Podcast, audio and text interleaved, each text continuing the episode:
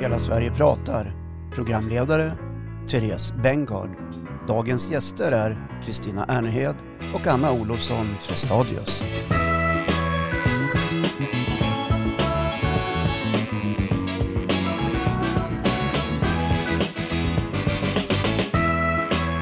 Hej allihopa och välkommen till Hela Sverige pratar-podden. Vi kommer att prata om urban norm, om urbana expresser som kanske håller på att avstanna, om platsens betydelse. När vi träffas så pratar vi, alltså vi gillar ju att prata om de här frågorna, eller hur? Det är inte första gången.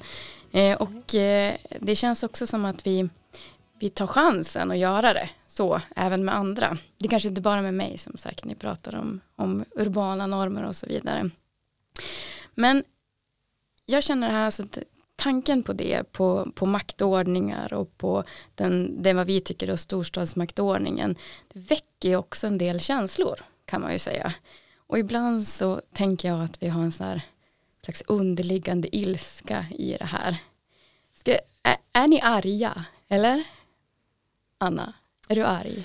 Eh, jag är, eh, jag tänker att ett finare ord för arg är frustrerad. Eh, det kan jag nog säga att jag är. Eh, jag tycker att det har skett mycket men det går alldeles för långsamt. Mm. Kristina, är du arg? Eller frustrerad? Eller? Ja, men jag skulle också säga frustrerad och eh, bitvis förbannad. Eh, men också, ja, som Anna säger, det sker ju ändå också mycket saker. Mm. Och förändras väldigt snabbt och det är ju jättehäftigt. Det är, alltså, det är också väldigt, väldigt kul, mycket av det här. Och få vara med på det också, Mm. den resan. Mm. Det här med urban norm kan ju vara så här, vad är det egentligen? Om ni skulle förklara det för någon annan, sån här hisspitch nära, men eh, vad, vad, vad, när ni förklarar, vad är urban norm? Vad brukar ni ta för exempel eller vad, hur brukar ni förklara det? Jag, för mig handlar det om ett maktperspektiv där man utgår ifrån staden som det rätta och allting som sker utanför staden är perifert och därmed sämre och utifrån det så fattas beslut och samtal förs eh, på de premisserna. Så att det är liksom en, i min värld är det en, en maktordning mellan stad och land som sipprar ner från allra högsta nivå, eller långt ner på superlokal nivå. Så skulle jag säga det. Mm. Pitchigt. ja, precis. Jag menar att det handlar om värderingar. Eh, och att det, alltså normer är ju väldigt, väldigt mycket omedvetet. Värderingar, var, eh, ja men åsikter vi har om vad som är bra, vad som är dåligt, vad som är värt att satsa på och inte. Så man kanske inte har funderat på varför man tycker så, utan ofta är det liksom lite så här vedertagna sanningar. Um, och då blir det ju precis som Anna säger att i, i vår tid och vårt samhälle så, så värderas som regel det urbana högre och de som bor i urbana miljöer värderas högre än de människor som bor på mer rurala platser. Mm. Hur, hur kom det sig, har att ni hamnade här i det här engagemanget eller eh, så här, ni, ni föddes som ruralister eller? Ja men det, det skulle jag nog kunna säga. Eller att, ja, jo men jag kan nog känna att jag föddes som det och att ja, men alltså från att jag var, från att jag var liten och började läsa Eh, läsa Aftonbladet Expressen och, och jag minns så himla väl att det var, jag läste om djurplågeri och var så här, hur kan det här få finnas, hur kan det gå till så här och var helt, kunde inte sova, var jättearg och så slutade med att pappa och mamma fick säga så här, ja men det som står i den där tidningen det är ju inte sant, de hittar på jättemycket så det, det är inte så där. Um, så det trodde jag ju sen då några år. Men, men i det där, alltså första, liksom det första mötet med att alla inte behandlas bra, att alla inte behandlas rättvist och lika oavsett djur eller människor.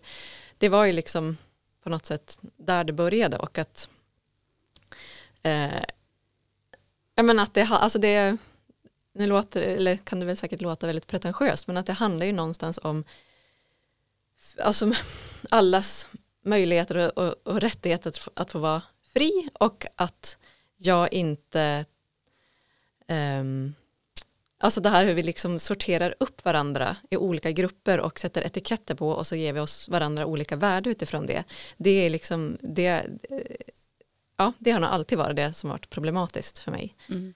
Eh, Och sen har ju det här byggts på. Och jag tänker också att det, alltså det tror jag att vi har gemensamt också, att när man kommer ur eh, feministiska miljöer eller så att man har liksom börjat, alltså lärt sig feministisk teori och kunskap och just där att förstå maktordningar och strukturer och normer, då blev det ju väldigt, eller det gick liksom av sig självt när man började se så här, men gud, där är ju samma strukturer som gäller här och hur man, vilka, alltså det är en överordnad grupp och det är en underordnad och så är det strukturer som är byggt utifrån det som innebär att vi behandlas olika och får olika förutsättningar. Mm. Hur har din resa varit Anna? Ja, men min är lite annorlunda. Jag är ju eh, född i och uppvuxen i eh, en del av Stockholm och eh, flyttade hit till Jämtland och började plugga till socionom.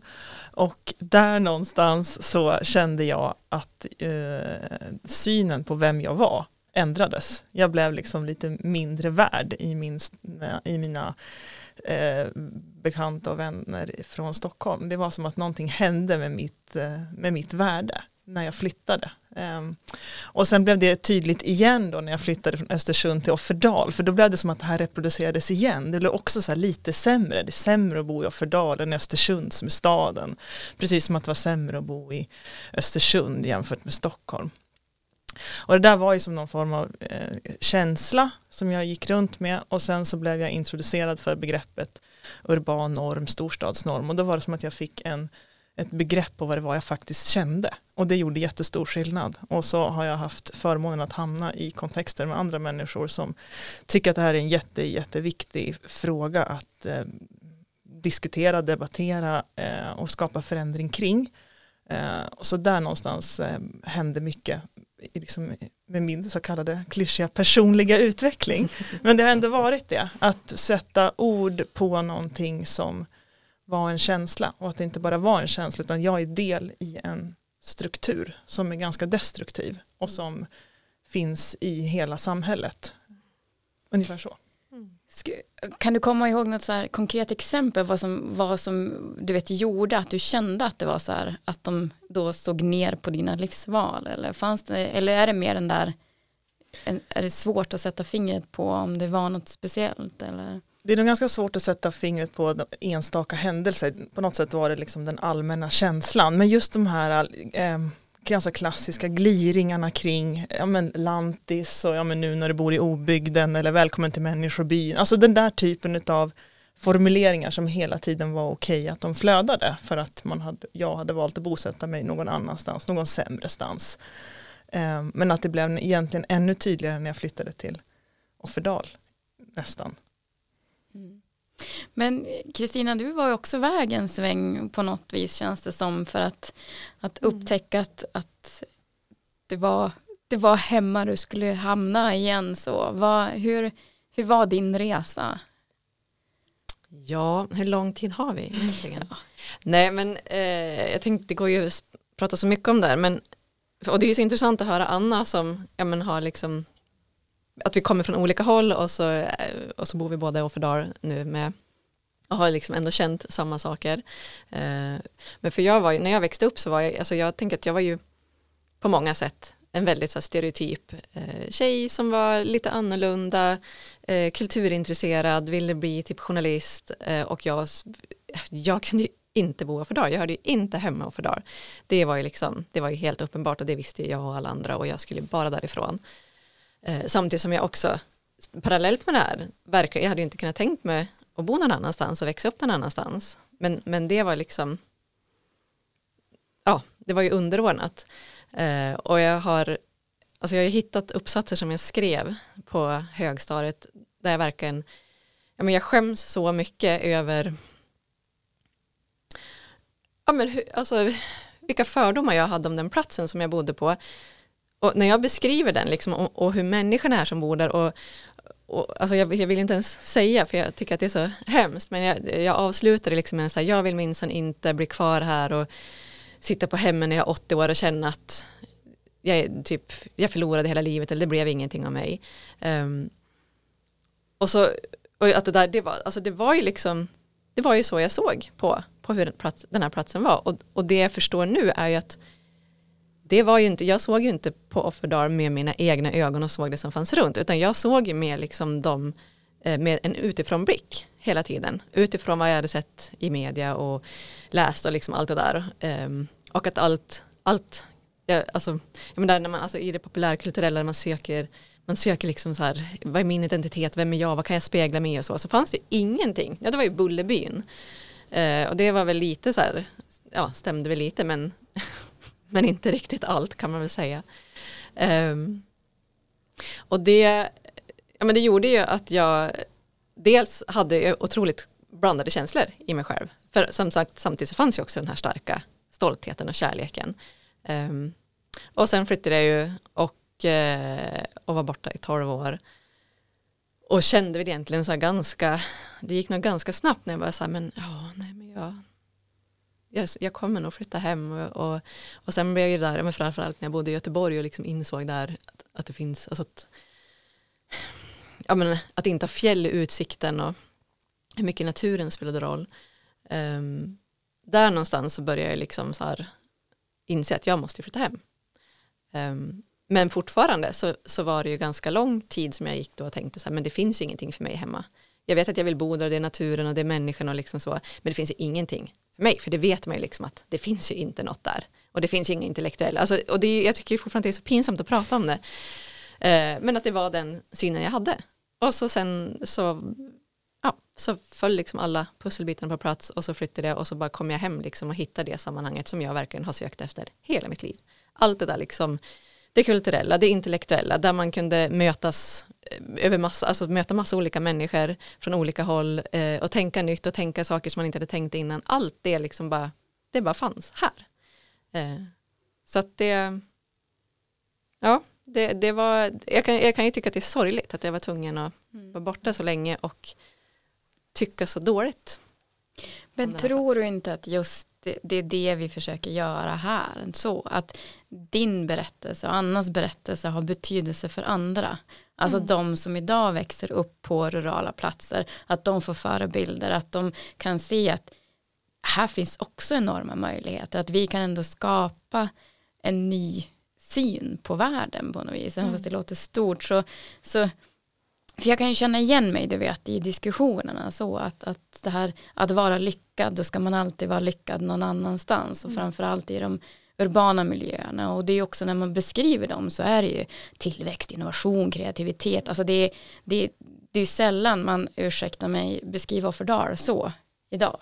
Men för mig är ju det som när vi gör den här podden, jag bara, fantastiskt, jag har hur mycket människor som helst i min egentligen direkta närhet som kan prata på de här mm. viktiga frågorna så. Så att, eh, tror inte att du förstår det? Genom jo, att ändå tror, berätta ja. din berättelse så. Jo men så är det ju absolut och det är ju också bara de sista tio åren så har det hänt jättemycket med, mm. med det där, alltså att få eh, att kunna spegla sig i olika saker. Jag tänker, ja men bara apropå att du säger ruralistas, Klara Bodén som myntade det begreppet och med hennes filmer och, och verk som verkligen så här den känslan att shit här är det liksom någon som har tänkt på samma saker och här finns det något som beskriver mig och så sen all musik, alla kläder, alltså det är ju det, det är, det är ju jättestor skillnad mot när jag var 15 och det var så här aqua och ja, vad var det? Rednecks kanske. Nej men alltså, det, det ja, det går inte att jämföra. Nej. Men på tal om det, alltså, ni som har ändå pratat om de här frågorna länge, vad tycker ni, ja, vad, vad har hänt ändå? Alltså att, kan vi se eh, de senaste 10-15 åren, har det, det har väl skett någon slags förändring när man pratar urban norm och, och förståelsen för den här som ni pratar om, ändå platshierarkin som finns. Du blev ju verksamhetsledare för Hela Sverige ska leva. ja. en, men för egen del så tänker jag att det har ju skett någonting i samtalet kring att man inte hela tiden behöver förklara vad det är man pratar om. Man mm. kan faktiskt börja prata om stad, bara stad-land-grejen, den kan man tycka är jätteliten sak i sammanhanget men att det ändå, jag, sen kanske jag befinner mig i någon sån här konstig filterbubbla men jag upplever i alla fall att eh, det finns en väsentligt större kunskap och förståelse och insikt i att det råder en, en obalans. Eh, begreppet urban norm har börjat komma in på ett sätt som det, in, det, det fanns ju liksom inte ens när vi började prata om de här frågorna. Um, för fem år sedan så mötte man extremt motstånd om man lyfte orättvisor kopplat till plats. Det gör man inte idag. Det är liksom inte, det som var accepterat för några år sedan är inte det idag i det allmänna samtalet. Um, vi var ju liksom många som debatterade i, i stora dagstidningar med mera som mötte helt i, i, liksom, i, i eh, ur liksom det perspektivet vi har idag, helt bizarra kommentarer från ledarskribenter som bara så totalt sågade oss vid fotknölen och sa att nej men ni gör helt fel, det här existerar ju inte. Men det finns det tydligen en urban norm också. Exakt, att kritisera. Mm. Eh, så det har hänt super, super mycket. Eh, och även har det hänt jättemycket på Eh, regional och kommunal nivå kopplat till hur man ser på sig själv. För man tittar, precis som du beskriver, hur man tittar på sig själv utifrån andras ögon så har det skett en stor förändring. Ehm, att vara en landsbygdskommun eller ha landsbygd i sitt geografiska område är inte idag någonting som man ehm, försöker mörka så som man gjorde tidigare. Ehm, Mm. Det tycker jag är, det är en fantastisk utveckling. Det är sorgligt att den har behövts, att vi har stått så långt bak, men eh, det känns ju ändå fantastiskt att det har skett så himla mycket på förhållandevis kort tid. Om man ser hur normarbete generellt sett brukar ta i mm, hans tid i anspråk. ja, precis, man brukar inte dra på fem års basis. Nej, precis. Men du upplever Kristina samma, ska jag säga, att det ändå sker en viss positiv utveckling eller att Ja men inte bara en viss utan en, en enormt positiv utveckling. Sen tror jag också lite som Anna är inne på att det är klart att vi ser den för att det sker i våra sammanhang um, och att man tittar efter det. Uh, jag, jag läser Dagens Industri för jag tycker mm. att det är bra, bra att påminna som att alla inte tänker som vi. Och det, ja, ja men det kan man säga att det är, det, det, det är absolut, det är ju en enormt stor del av av det offentliga samtalet som det inte har varit. Eller jämförelse med hur det har varit. Men samtidigt så är det ju fortfarande också så att de faktiska pengarna har ju inte placerats där munnarna är, om man säger så. Nej, vi har inte kommit riktigt så långt. Nej. När vi träffades sist, Anna, så var du upprörd över att du tyckte att den urbana normen inte riktigt hade, eller att den hade eh, satt sig klorna i det kommunala perspektivet nu, i det lokala. Jag tror att du har något exempel som är väldigt nära just nu som du håller på att jobba på, på tal om pengar och kanske prioriteringar och hur man ser på olika typer, eller? Eh, ja. ja. kanske. jo, men jag tänker att för vi har diskuterat och debatterat urban norm på strukturell och därmed kanske mer nationell nivå väldigt länge och det har behövts. Eh, och där har det ju blivit eh, väsentligt bättre. Eh, och regioner och kommuner har ju också varit väldigt bra på att synliggöra hur liksom den ekonomiska skeva fördelningen ser ut, liksom att pengarna sipprar ju ner väldigt, i väldigt liten utsträckning på liksom, nivå sett till till exempel den kommun jag själv bor och, eh, bor och verkar i. Eh, men det man inte har tittat på och det som kanske inte har debatterats, vi kanske inte har kommit dit än, men jag tror att det behövs, det är ju hur reproduceras det här i den superlokala kontexten, för man gör ju exakt samma sak. Eh, jag bor till exempel i Krokoms kommun, där Krokom är centralort och så har man eh, Ås som är en del av Krokoms kommun som ligger väldigt nära staden Östersund. Och som boende i den här kommunen så är det ju väldigt påtagligt hur urban norm existerar också där. För jag då som bor så kallat lite mer perifert, det vill säga jag bor inte nära centralorten, jag bor inte heller så nära eh, staden, känner ju att det är väldigt tydligt vart pengar satsas och hur det värderas. Det är finare att bo i en viss del av kommunen än i en annan. Eh, och det behöver man, det krävs ingen raketforskning, det går ju bara att titta på hur det ser ut i geografin där. Var har man satsat pengarna? För det är någonstans det som det, som det bottnar i. Det är, där, det är det som visar på hur någonting värderas.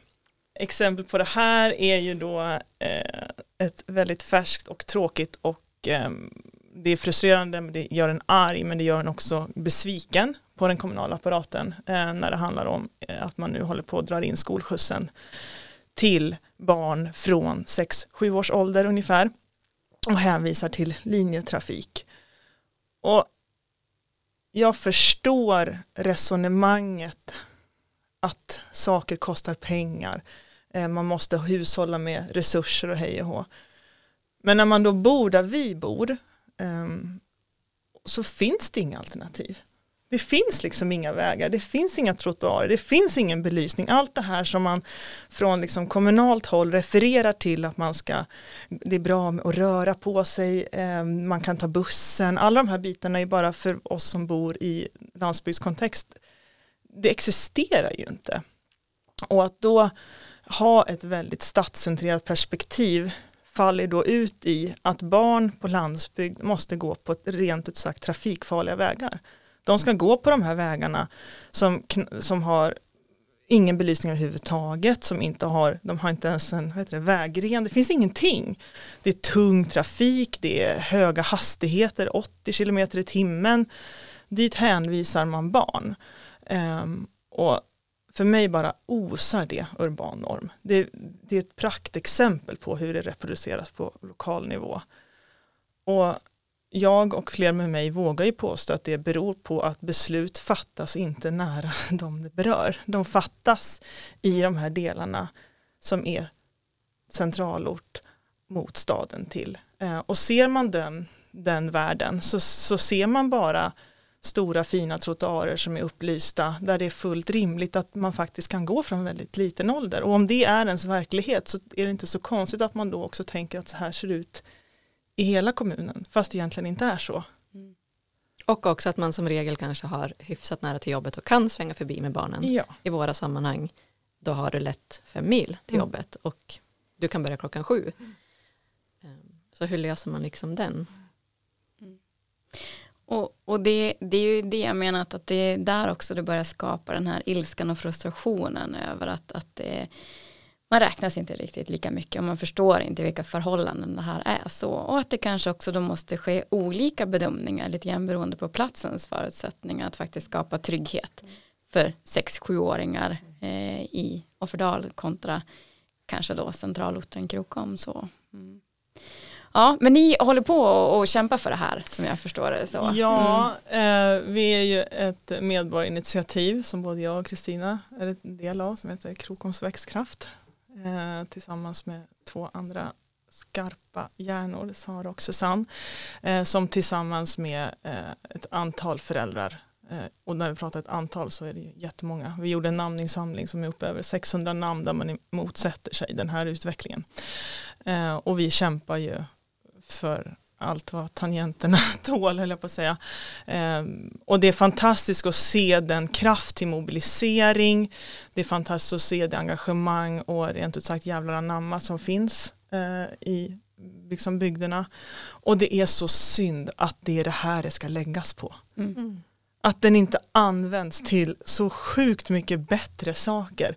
Den ska liksom använda, alltså den här engagemanget och kraften används till att vi ska motivera varför vi ska ha vår basala service som är, borde vara en fullständig rättighet. Det borde inte ens, man borde inte ens behöva liksom reflektera så mycket över kring, är det rimligt att ett barn går längs en oupplyst väg som det är 80 km i timmen på där det får tung trafik. Är det rimligt? Nej, det är klart att det inte är. Det är liksom ganska enkelt tycker jag då. Mm. Um, så det, det gör mig lite ledsen vad vi tvingas fokusera på på landsbygd. För vi blir de där gnälliga som står och liksom tycker att saker är fel och att det är orättvist.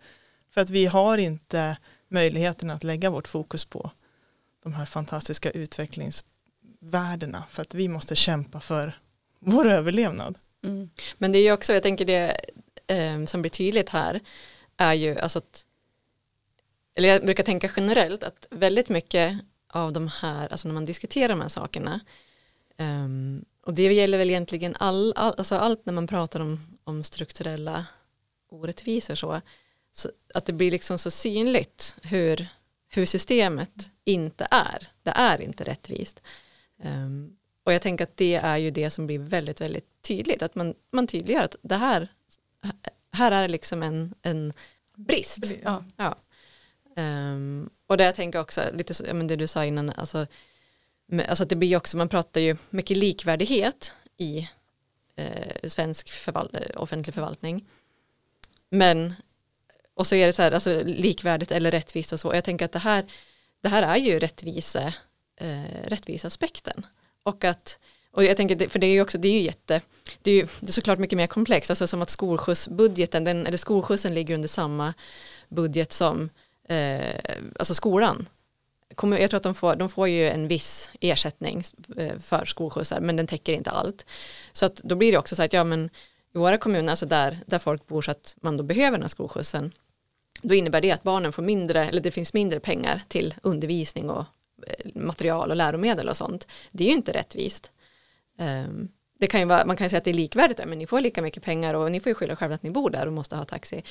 Men, men det är ju inte rättvist. Och då är man ju tillbaka på den här, ja men också, ska vi ha en nationalstat och vad ska vi ha den till om det inte ska vara liksom möjligt att bo och leva, att det ska vara rättvist överallt och så. så att, och, och det tycker jag också, så här, ja men det blir ju, Ja, det är klart att det är dränerande fast vi får ju också erkänna att det är, vi har ju väldigt kul när vi ja, sitter med våra frenetiska chattar i massa olika led. Och bara sett det här och nu skriver jag så här och där. Och så skrattar vi jättemycket. Så det ger ju också mycket energi men, men det tar ju massa, massa mm. tid, så är det ju. Det eh. förutsätter, eh, kan bara prata för mig själv, att man inte är ensam. För mm. det går att ja. bli jätte eh, uppgiven, jättefrustrerad, jättearg. Eh, det finns det är öppet mål för att föda förakt gentemot det offentliga när mm. man hanterar det så här. Eh, det är, för, ja, det är en förutsättning att man är fler som kämpar, för det är verkligen så i, de här, i, den, här, i den här sortens kamp så är man väsentligt starkare tillsammans. Den, jag skulle aldrig kunna klara den själv. Det är en förutsättning att jag har vänner och hjärnor som är, gör det mm. tillsammans. Det är också väldigt intressant att det blir ju så dålig stämning när man säger till en landsbygdskommun att så här, ni, har, ni, ni, är liksom, ni reproducerar urban norm eftersom att man, är så, man har varit så på att synliggöra och kritisera hur det funkar från statligt håll ner på regional och kommunal nivå. Men det är också som att ibland i staten, det är som det är så oklart, vem är det vi pratar, alltså vem är det? Ja men det är ju vi liksom.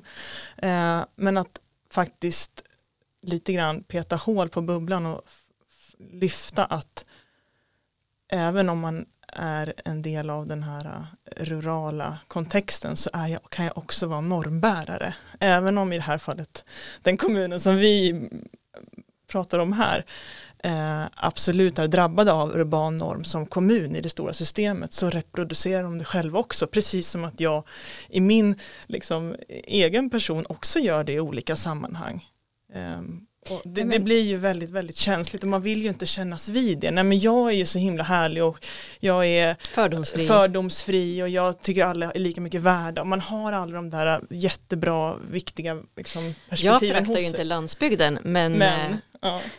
eh, och då blir det ju väldigt, det blir jobbigt när någon säger att, mm. men hallå, Mm. Nej, men jag tror att det är jätteviktigt precis som det ni gör att ni synliggör det här. För det finns i alla vad ska jag säga, eh, de här systemen som finns. I, i kommunen så är det ju tätorten ofta som är centralorten där allting ska samlas man ska centralisera man ska, det är där servicen finns. De andra får skylla sig lite grann själva som bor i, i byarna runt omkring. På regional nivå så tycker vi det här i, i Jämtland att Östersund får ju allt. Alla jobben alla de här samordningsfunktionerna finns i i stan som vi kallar det för då. Eh, och regionen säger, ja men herregud, allting hamnar ju i Stockholm. Alltså det är på något vis att titta här, va? vi får ingenting utan det är, vi får mindre väganslag så. Och Stockholm säger, ja men allting handlar ju i Europa eller det är ett globalt perspektiv. Vi måste, så att den här reproduktionen sker ju hela tiden och det jag tror att det är bra att man uppmärksammar, även fast man bor i vad Stockholm skulle betrakta som väldigt landsbygdskommun så innebär det inte att man är fri från den typen av, av återskapande av de här normerna och, och mm. centraliseringstanken så. Nej men och det är väl där det också blir, men just där att det är så mycket som är omedvetet. Um, och att det, det är därför man, det måste bli jobbigt Eh, för det är ju jättelätt att säga att men det är klart att jag vill att hela Sverige ska leva och alla kvinnor ska få lika mycket lön som män och så. Ehm, men det är inte så det ser ut i praktiken och jag tänker lika lite som, som en chef oavsett den är man eller kvinna aktivt sitter och tänker när den ska lönesätta. Ja, här har vi en man, då får han lite mer för han är man och här har vi en kvinna, hon får lite mindre. Jag tror ju inte att, alltså, jag, jag tror inte att det är någon som gör det, kanske någon enstaka men det där är ju någonting, alltså det, den värderingen sker ju på en omedveten nivå. Utifrån normer, utifrån förväntningar, utifrån föreställningar om, ja men där, vad värderar man mer? Um, och jag tänker också att det är så här, vi kan ju hålla på jättemycket och prata om att så här, lika lön för lika arbete, hela Sverige ska leva och så vidare, alltså allt det här. Men börjar vi inte liksom med så här, vet du Anna, när du säger så där, då reproducerar du den här, då, liksom det avslöjar att du sitter på de här värderingarna, vilket får de här konsekvenserna. Um, det är inte förrän vi kommer åt det precis. som förändringen börjar ske och det är ju jättejobbigt i oss alla, precis som Anna säger. Det sitter i oss själv, jag vet ju, alltså där är inte, jag behöver inte backa så många år, så vet jag att jag tänkte eh, nej, nej men tänker om de kommer, nej men jag kan väl säga, jag hoppas att de inte tar illa upp. Men det kom, eh, det startade en yogastudio i Offerdal och så tänkte jag så här, men yoga i Offerdal, men då kan det ju inte vara så bra. Eller jag tänkte, alltså bara så här, det var liksom, den, det skedde automatiskt och så sen eh, testade jag och så är det liksom den absolut bästa yoga jag någonsin har gått på av allt jag prövat eh, runt om i alla platser jag bott. Och du har prövat många Jag har prövat. Ja, jag vet det, du har mycket data. Nej men ändå, så jag tycker att jag har, jag har att jämföra med. Och, och det här har, jag liksom, har jag märkt att det, så här, att det där det går så automatiskt här, men om de har valt att bo här då kan det inte, för man vet ju att är man riktigt bra, är man riktigt duktig på något, ja men då bor man ju i Stockholm eller London, eller, alltså så då är det behöver man inte bo här. Nej, utan då, då är det där man bor, och det här, alltså jag, jag får ju liksom, jag tar mig själv i det gång på gång. Eh, och, och, det är ju så här att, att förstå att så där, på, sam, ja, men på samma sätt som att det är klart att jag värderar män och kvinnor olika och har olika förväntningar. För det är så vi är fostrade. Det finns en jätteintressant undersökning de har gjort, jag tror det var Luleå tekniska högskola som hade kollat på det här med vilka företag som får riskkapital om man investerar i dem. Eh, och de i, eh, som drevs av män fick mer pengar, mer riskkapital än kvinnor. Och de företag som fanns i städerna fick mer än, än de på landsbygden. Och det säger ju väldigt mycket det är inte att tjänstepersoner som har suttit där och just bara, det här är ett dåligt företag, utan det är någon slags grundvärdering i att ja, ja, ja, de håller på där borta någonstans med en liten odling, låt dem göra det så här i staden så sker de stora innovationerna. Här kommer en app va? Ja. Den, kommer, den kommer förändra allt den appen. Ja, ja precis. Nej, så att, eh, jag tror att, att det är bra som sagt att man synliggör det här. Eh, jag måste bara få jaga upp er en gång till innan vi kanske hamnar i något lite positivt så. På tal om det här att skylla sig själv tänker jag. Eh, det var ju en ledarskribent från Uppsala Nya Tidning som skrev en, en eh, ledartext där han sa att, att de kvinnorna då som bor i Norrbotten då i, i Kiruna Eh, Eh, fick skylla sig själv för att de då fick då, då fick de över 30 mil för att göra ett vanligt enkelt ultraljud. Och har man valt att bo där, då kan man inte förvänta sig, det är inte rimligt att man ska kunna ha vilken avancerad vård som helst. Eh, och det som hör till är att, att det fanns ju faktiskt ultraljud innan då det blev eh, en, en vakans helt enkelt, att de inte kunde göra det här. Eh, den, det här skrevs ju bara för någon vecka sedan så eh, hur argument, alltså förstår ni, eh, ska, får man skylla sig själv att man har valt att bo där i obygden? Ska man kunna ha sån avancerad vård överallt? Ja, men jag tänker att en följdfråga på det är ju då varför inte? Eh, och för mig vittnar det ju där om en människosyn som är eh, tämligen rutten. Eh, jag tycker att det är ett eh, obegåvat resonemang. Jag tycker att en välfärds, ett välfärdssamhälle Eh, kan prestera bättre än så. Och jag tycker att det är eh, jag har nästan, apropå filterbubblor, jag har ju liksom nästan aktivt slutat läsa den där sortens eh, debattinlägg, ledare, för jag bara tycker att det här är så obegåvat, jag vill inte, alltså så här, det här resonerar, för jag tycker att det är ointressant. Sen förstår jag att vi behöver liksom verkligen jobba med det och debattera det och så. Men, men eh, jag tycker att det vittnar om en rutten människosyn. Och skulle man säga det till en sån person så skulle den förmodligen inte hålla med om det. Eh, apropå att det vill ju ingen ha. De flesta vill ju ha ty tycka att alla människor är lika mycket värda men ser man på det i vad det faktiskt innebär så är det att nej men man är inte lika mycket värd. Det är det man säger. Du är inte lika mycket värd om du bor där och framförallt är inte ditt barn det. Ditt nej. ofödda barn. Mm. Eh, men då blir det sällan god stämning. Eh, men det är den, jag tror att man ändå behöver göra diskussionerna så pass hårda. Mm. Mm. Ja, men jag håller nog med eh, i det och att jag tänker också att det är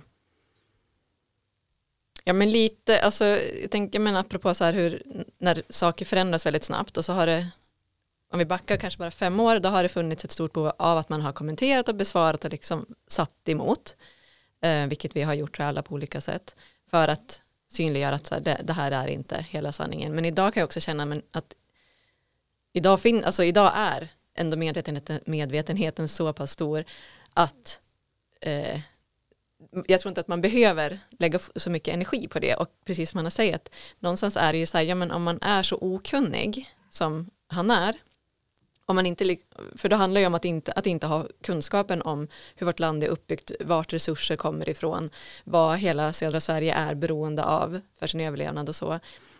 Jag, det är ju mer så sorgligt någonstans um, kan jag tycka då och jag tror också att, att lite så här att inte ens att, in, att inte ens bemöta så här, men vet du, för det är ju så dumt. Det, det är ju så, men att man inte skulle vara värd att ha det. Och det jag tänker att, inte, att så här, inte kliva över på hans planhalva, jo men vet du, för då, då, då, bekräftar man egentligen det, utan istället så här, ja fast nu får du redovisa, eh, precis som Anna sa, så här, var, varför, varför är det inte rimligt? Och, och liksom, vad är det du grundar det här på? Och kan du ta fram fakta, alltså att, att spegla tillbaka där. Man kanske behöver göra som i skolskjutsreglementet, man fastställer vad som är ett rimligt avstånd. Så här, ja, men I den här eh, delen av graviditeten då är det okej okay att åka, då ska man kunna åka fem mil, det är rimligt. Det kanske är bra. Olika beroende på. Ja, mm. ja men menar, det är ju eh, gud det känns som att vi bara upprepar varandra och vad vi har sagt tidigare och sånt men men där, ja men är det rimligt och ska man ha, är det rimligt att tunnelbanan ska gå hur ofta kan den gå i rusningstrafik? Nu har jag till och med glömt från när jag bott i Stockholm. Eh, det är så perifert. Ja, precis. Ja. Det är väldigt gång, många gånger kan vi säga per minut. Det är oftare än, än 154 går. I veckan. Buss 154. Ja.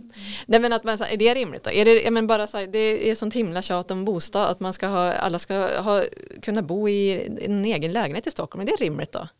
När det är bostads, alltså vi har massa tomma hus resten av Sverige, är det rimligt? Alltså det går ju liksom att vända tillbaka. Och jag tror också att, jag menar att det är lite, lite där vi är. Att, att, att vända fokuset mm. mot där problemet faktiskt sitter. Mm. Ja, bostadssituationen är ju en, som du är inne på nu, är någonting som man verkligen kan mm. bara göra tillbaka kaka på. Ja men har du valt att bosätta dig i den här delen av Sverige så måste du väl ändå förstå att du inte kan förvänta dig mm. att du kommer få en bostad det finns gott om bostäder i andra delar av Sverige. Det är så vi har fått höra här, fast liksom i andra delar eller andra argument. Eh, och när man säger sådana saker, då låter det jättekonstigt, men det vittnar ju ändå om hur skevt hela liksom, uppbyggnaden är mm. av samhället utifrån den urbana normen. Mm. Och hur retoriken sker. Så. Ja. ja, men och det är, jag tänker återigen om man jämför då med, med så genusperspektiven, så är ju, alltså man pratar om mäns våld mot kvinnor och så pratar man jättemycket om kvinnorna hur det mm. Drabbar och påverkar vad vi kan göra istället för att, eller det är väl där vi också är, att vi börjar, så här, vi börjar rikta blicken mot där problemet kommer ifrån. Mm. De som slår. Mm. Och det är samma så här, vi ska inte hålla på att älta vad, oh, alltså konsekvenserna för de som drabbas av urban norm, utan vi måste börja rikta blicken mot varför den är så stark fortfarande. Mm.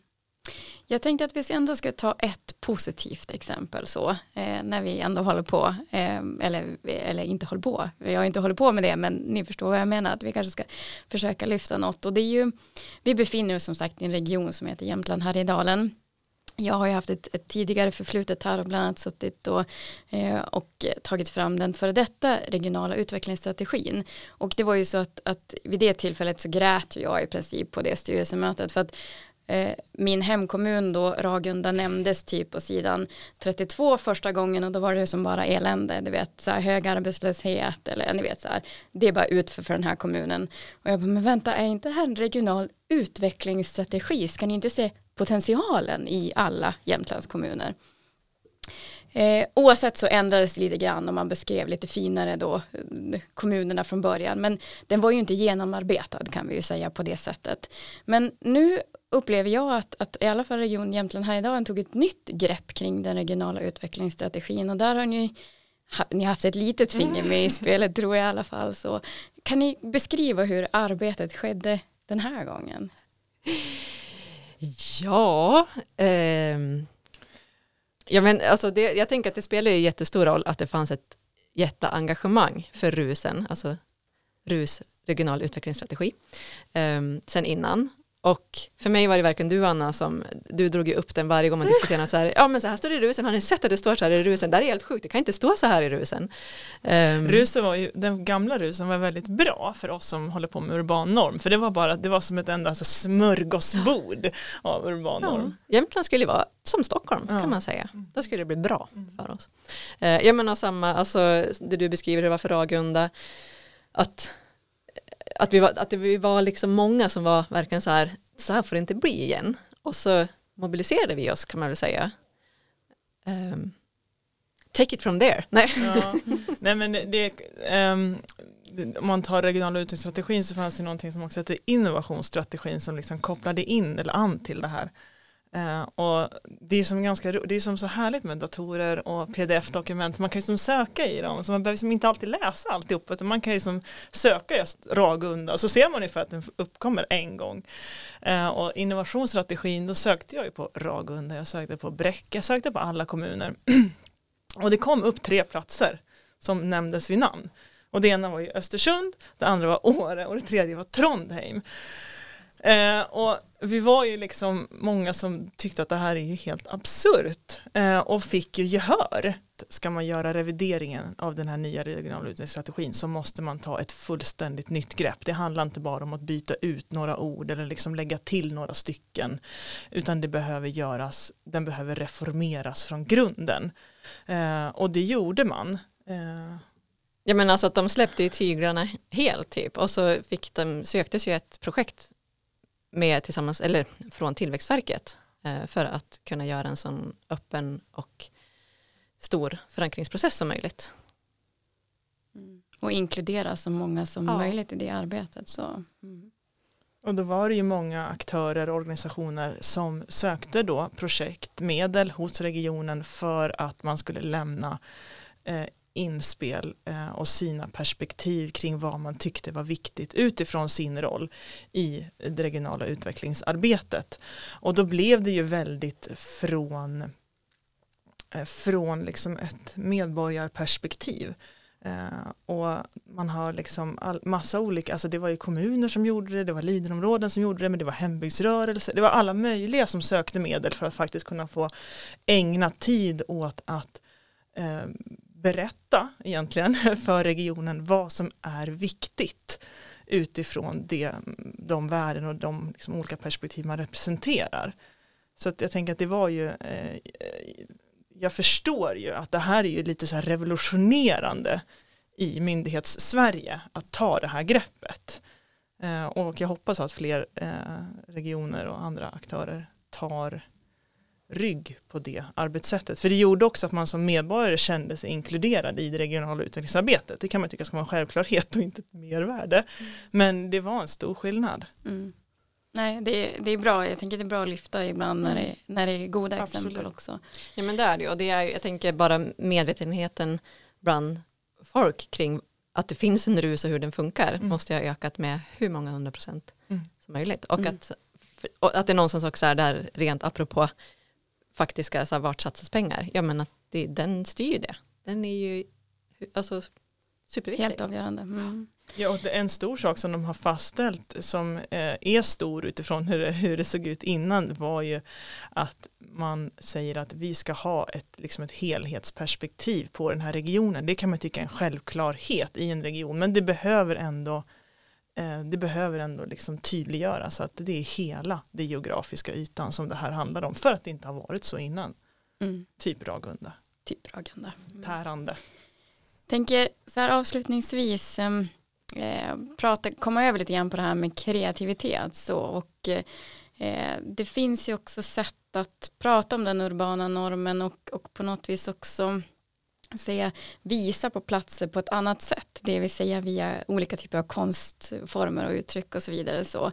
Och det kan ju vara väldigt positivt för man kan känna igen det och man kan få andra typer av säga, känslor kring de här delarna. Eh, och eh, jag vet att, att dels har ni varit med tror jag i det här, eh, eller ni, ni i växtkraft i alla fall har jobbat i den här Rotami, eh, är det en fotoutställning? Mm. Eh.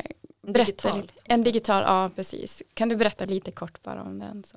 Ja men Rotami är ju en digital fotoutställning som Susanne Kvarnlöv har gjort tillsammans med Anneli Åsén, det är två fotografer och Susanne är ju också då eh, mer i Krokoms växtkraft. Um, och de, det, alltså, det är ju egentligen en utställning för att lyfta kvinnor i eh, landsbygdskontext på massa olika sätt. Så att hur vi finns med där är väl mest, jag tror att det är en eh, text om oss va? Eller att vi har skrivit berättelsen om. Vi är lite KB. fotoobjekt och så Jo, det är har vi eh, också. skrivit några texter eh, kring våra, eh, våra perspektiv. Ja. Mm. eh, Kring att rota sig, eller att vara Mm. rotad i en plats. Ja, eh, för jag läser, jag läser ju er, det blir ju så. Eh, och eh, Kristina hade lagt ut en, en fantastiskt fin text på sin Facebook just om det här med rötter. Jag tänkte, har du, har du några citat från den som du skulle kunna läsa eller återberätta för resten av resten av Sverige, världen. ja. Eh, jag, jag har ju inte huvudet så. Man kan gå in och läsa den på, på Rotami. Um, och kan ju också säga att Rotami betyder alltså min rot på jämska. Men, eh, det, jag, ja, men det jag skriver om där är väl just ehm, vad det gör med en att ha starka rötter. Lite som det alltså, jag berättade om i, i min resa i livet. Eh, och att växa upp i en plats där, där eh, rötterna är så otroligt tydligt förankrade och att det har gjort ja, men orsakat både väldigt mycket smärta och verk och ehm, jag har försökt springa från de där rötterna så snabbt det bara har gått vilket bara resulterar i att eh, jag smäller tillbaks med råge. Ehm, att de, jag menar att rötterna, mina rötter har ju liksom alltid varit min vägledning på något sätt. Och det är ju offerdar, det är ju platsen, naturen, sammanhanget, människorna, engagemanget. Alltså ehm, att och jag vet inte, alltså det här är ju jättesvårt, det blir ju liksom väldigt så här spirituellt eller vad man ska säga det och jag vet inte så här, vad är min upplevelse eller vad är en plats eh, ja, specifika vad ska man säga, egenskaper. Men, men Offerdal är ju, det är en plats där man har varit engagerad, alltså väldigt, engagemanget är väldigt stort. Eh, och så är det ju inte på alla, i alla landsbygder. Offerdal är också en väldigt stor plats.